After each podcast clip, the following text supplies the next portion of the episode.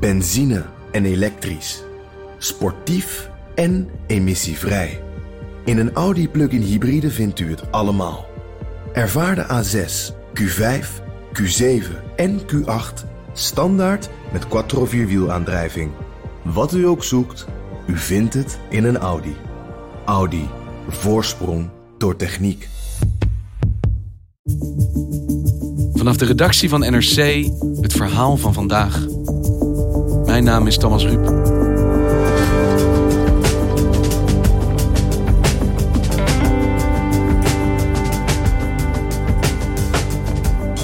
Afgelopen vrijdag werd een bijeenkomst van actiegroep Kick-Out Zwarte Piet op gewelddadige wijze verstoord. Vuurwerk, vernielde auto's, vijf arrestaties. Vanavond is tevens de eerste uitzending van het Sinterklaasjournaal. Met dit jaar één groot verschil. Geen zwarte pieten. Zien we een kentering in de discussie?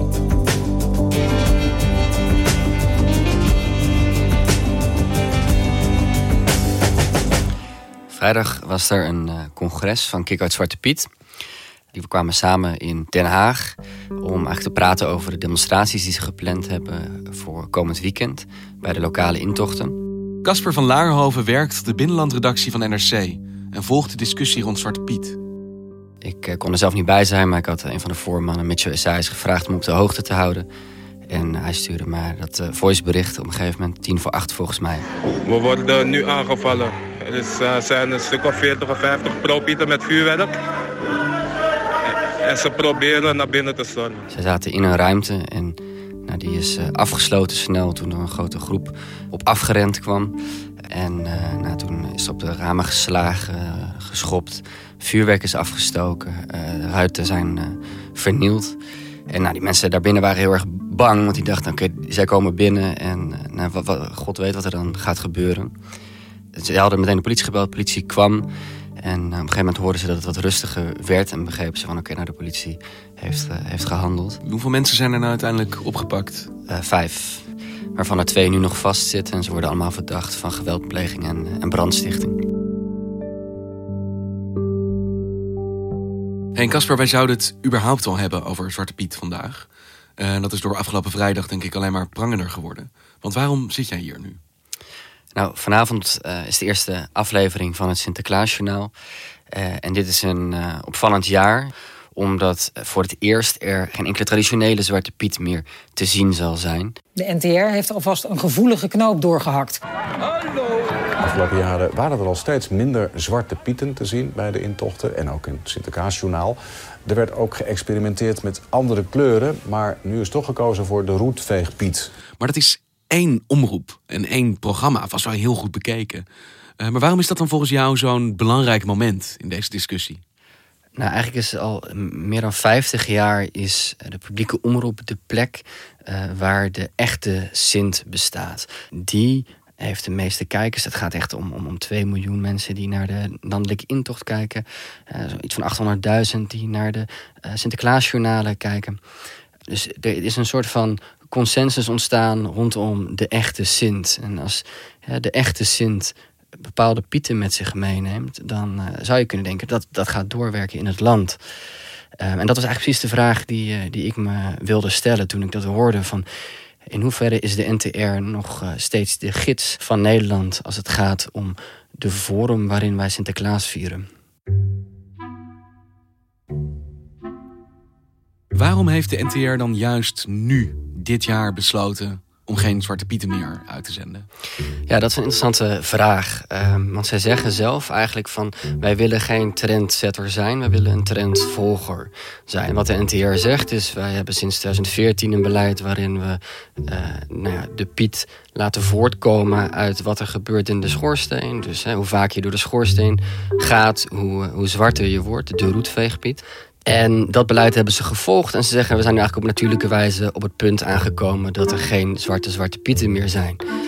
Uh, maar een heel groot deel van het land wil dat eigenlijk wel. Dus kun je dan wel zeggen, de NTR is volgend? Of zijn zij inderdaad trendsetter in iets wat toch een volkstraditie is? En ja, waarvan je kunt afvragen, wie is daar probleemeigenaar van... en wie heeft de touwtjes van die traditie in handen? En deze laatste beslissing van de NTR is eigenlijk een soort nieuwste stap in een serie veranderingen die al een hele tijd gaande zijn. Ik denk al een jaar of tien, denk ik dan, toch? Ja, nou, ongeveer acht zou je kunnen zeggen dat het echt een, nationaal uh, debat is geworden. En uh, tegelijkertijd is het een, een, debat dat al veel langer op de achtergrond speelt. In 1930 uh, eh, schreef iemand in de Groene Amsterdammer dat de lezer een eervolle plaats moet inruimen voor, en het woord werd toen nog wel gebruikt, de neger en aangezien elke opvoedingssysteem zich richt op een komende generatie, moeten met de kinderen beginnen. Door bijvoorbeeld op 5 december aanstaande een zwarte Sinterklaas te laten optreden, gediend door een wit knechtje. Eh, vergezeld van een, eh, een, cartoon waarop dat ook was eh, afgebeeld. Dus dat is in 1930.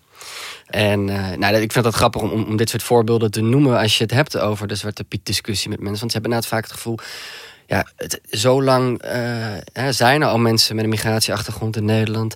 En nu ineens is het een probleem. Maar als je dus terug gaat naar 1930 bestond het al. In 1963 was er een Brabantse uh, schooldirecteur die zei: nee, ik wil geen zwarte pieten. Want uh, kleurlingen, dat woord werd toen ook nog gebruikt, ergeren zich aan omdat ze het als rassendiscriminatie beschouwen dat de zwarte als knecht fungeert. Dus 1963. Uh, en een ander beroemd voorbeeld eh, is uh, natuurlijk Gerda uit Sesamstraat, die in 1987 uitlegde waarom Zwarte Piet vervelend voor haar was. Het is elk jaar weer hetzelfde liedje, hè? Sinterklaas is nog niet eens in het land. Of zwarte mensen, grote mensen en kinderen worden voor Zwarte Piet uitgescholden. Maar Gerda, het is toch hartstikke leuk om Zwarte Piet te zijn? Ja, dan, dan mag je met de zak lopen en pepernoten strooien. Oh nee, Ino, het is helemaal niet leuk. Ik heet Gerda, ook als het Sinterklaasfeest is. Mensen hadden er altijd een beetje een gevoel bij. En het werd ook geuit van, uh, waar hebben we het over? En het, sentiment bestaat nu nog steeds. Het is toch een, een, een, feestje, het is een traditie. heeft niks met racisme of een slavernij verleden te maken. Uh, in 1997 is er een uitzending van Barend en Witteman... waar ze het hier uh, over hebben. En dan zegt een activist... Ja, nou, wij strijden dus al um, vier jaar tegen, dit, tegen de figuur Zwarte Piet omdat wij Het is echt een strijd. Je zegt wij strijden. Ja, ja, ja. Die strijd wordt gevoerd. Ja, jullie nemen dat echt serieus. wij, nemen dat, wij nemen dat heel serieus. En, en datzelfde zie je eh, terug in 2011 als uh, Duitse Kroes, uh, topmodel, te gast is bij uh, Pauw, een, een, witte man op dat moment. Um, en zij zegt, waar ik me een beetje voor schaam soms, als het om Nederland gaat, is Sinterklaas en het, het, het vieren van, van Zwarte Piet. En, en daar reageert men in die studio en de presentatoren en de gasten die er zijn, reageerden ook weer zo lacherig op. Nou ja. Ja, sorry. Maar, ja, dat vind ik echt. Want? Nou, ik, ik vind dat die Zwarte Pieten, dat kan echt niet meer, toch? Oh. En dat is eigenlijk veranderd uh, na ongeveer 2011. Toen zijn uh, twee activisten, Quincy Gario en Jerry Free... Uh, die nu de voorman van de bekende actiegroep Kick Out Zwarte Piet is geworden. Die stonden samen, eigenlijk stilzwijgend, met een t-shirt Zwarte Piet is racisme... langs de kant van de intocht in Dordrecht, landelijke intocht. En zij werden daar gearresteerd.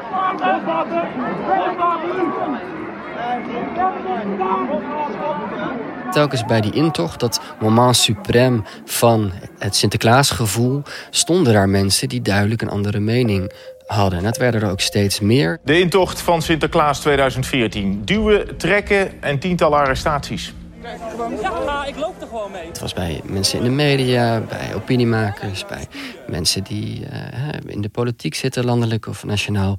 Van, wow, misschien moeten we hier iets mee. Het gaat wel goed. Je ziet toch dat Zwarte Piet langzamerhand verandert. Uh, dat er in steun in Nederland voor die verandering ook toeneemt. Dat er dus een verandering is in de maatschappelijke opvattingen daarover. Dus dat gaat goed. En waarom lukte het deze activisten dan wel om echt een discussie teweeg te brengen? Want die eerdere geluiden, jaren 30, jaren 90, uh, ze werden wel gehoord, maar dat echt grote veranderingen of protest leidde dat niet. Waarom dan nu wel? Ja, zij vonden eigenlijk een manier om een minderheidsstandpunt op te dringen aan de meerderheid. Het werd ineens heel erg zichtbaar. Je kunt om een uitzending van eh, Barend en Witteman kun je wel heen. Je kunt om een opiniestuk in de Groene Amsterdammer wel heen. Maar op het moment dat Nederland kijkt naar de landelijke intocht en je gedwongen wordt om daar wat over te zeggen, wat over te vinden. Want daar staan ze weer en het leidt weer tot onrust. Nu moest iedereen er iets mee. Ja, precies. Dus als je na tijd en plaats zo kiest dat het tot veel ophef leidt, en dat is een beetje cru om, om te zeggen misschien, maar uh, dwing je eigenlijk Nederland om op een andere manier te praten, te denken, te discussiëren over dit onderwerp. Want je kunt het niet meer tezijde schuiven.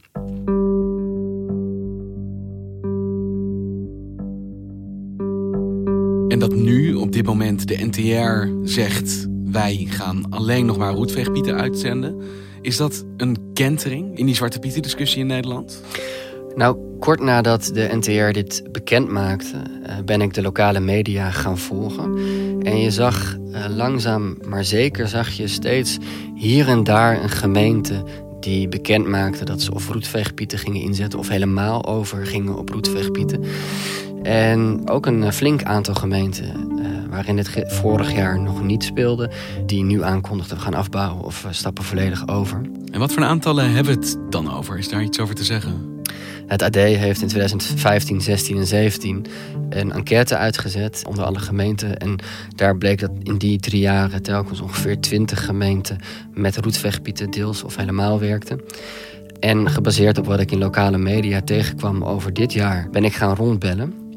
Uh, en toen kwam ik uiteindelijk op het uh, aantal van 45 uit. En welke gemeenten zijn dit?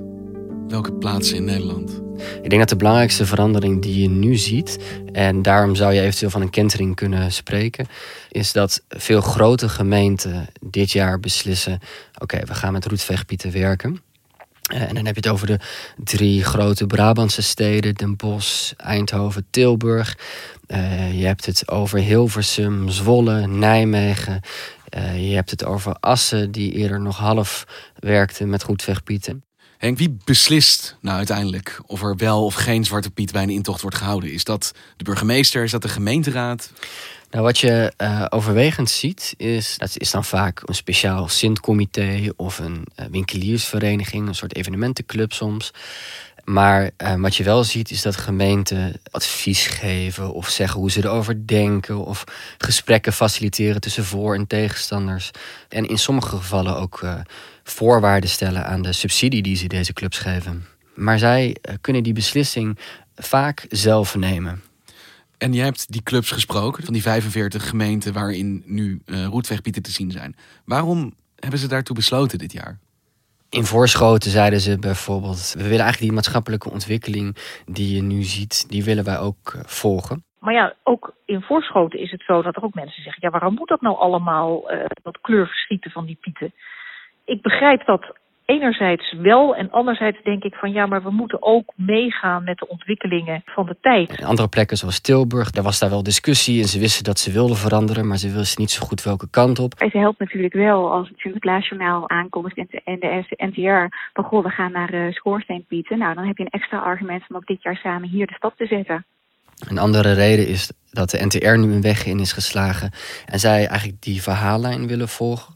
Maar dan kan de NTR wel zeggen, volhouden van wij zijn niet leidend. Maar je ziet dus eigenlijk dat zo'n beslissing van hen wel degelijk directe invloed heeft op de keuzes die gemeentes maken, wel of geen Zwarte Piet. Ja, op sommige plekken verwijzen ze uh, impliciet of expliciet naar de NTR als een soort van, uh, van gids of voorbeeld.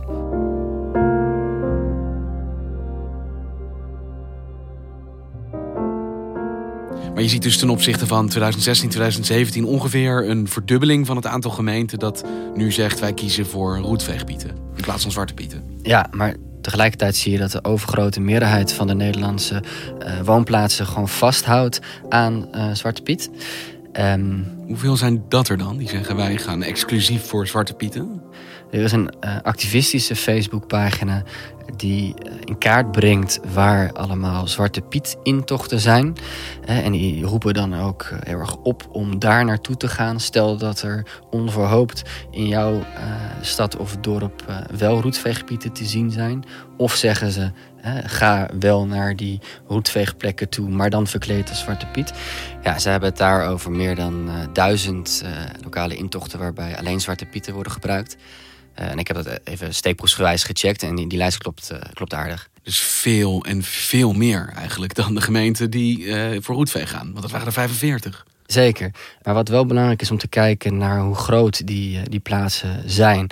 He, van de 31 steden met meer dan 100.000 inwoners zijn er 18 die of helemaal of gedeeltelijk roetveeggebieden gebruiken.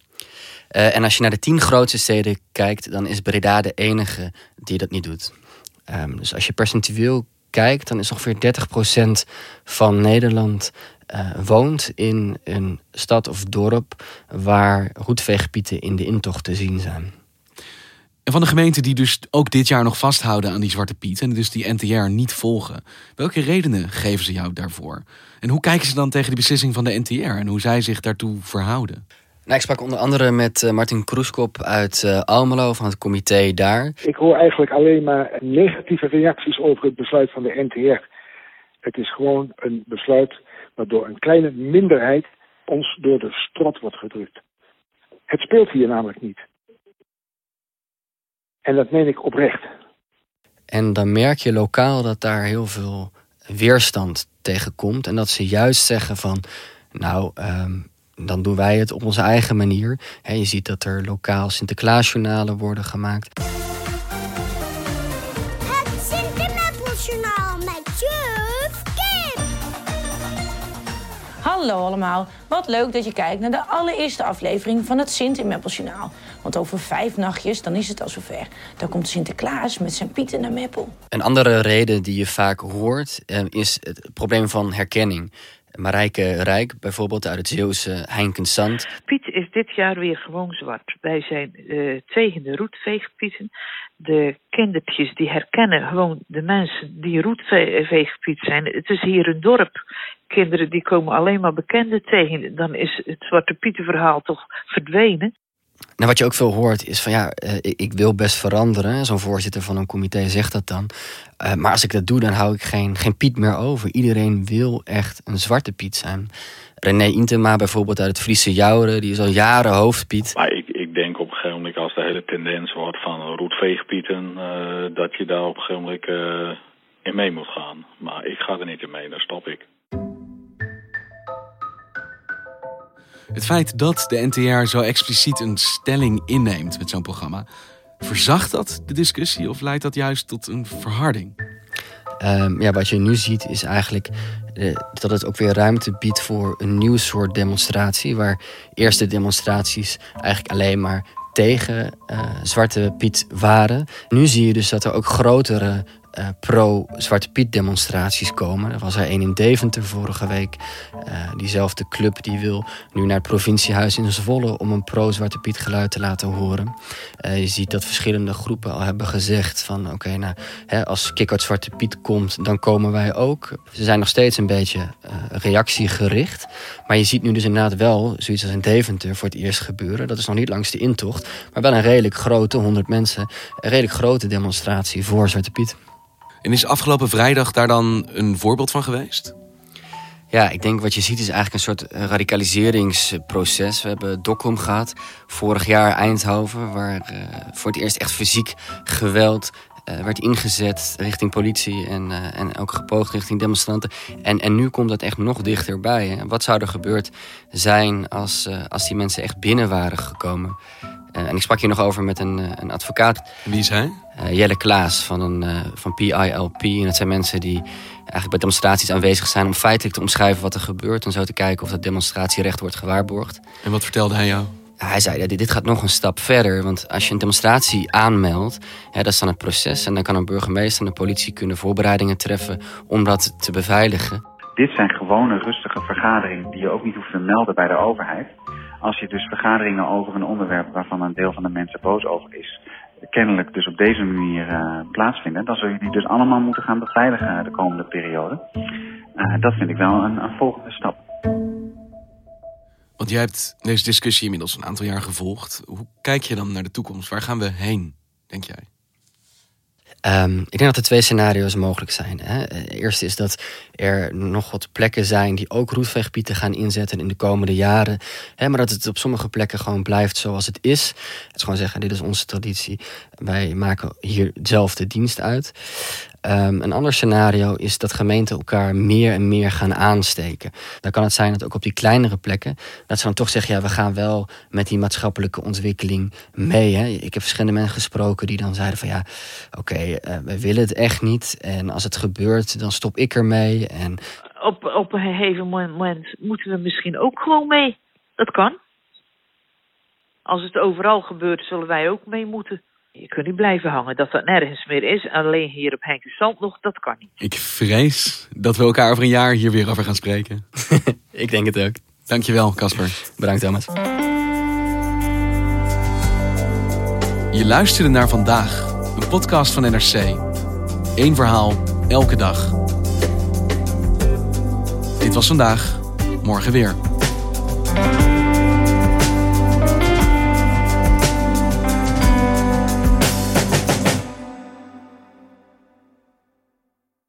Je hebt aardig wat vermogen opgebouwd.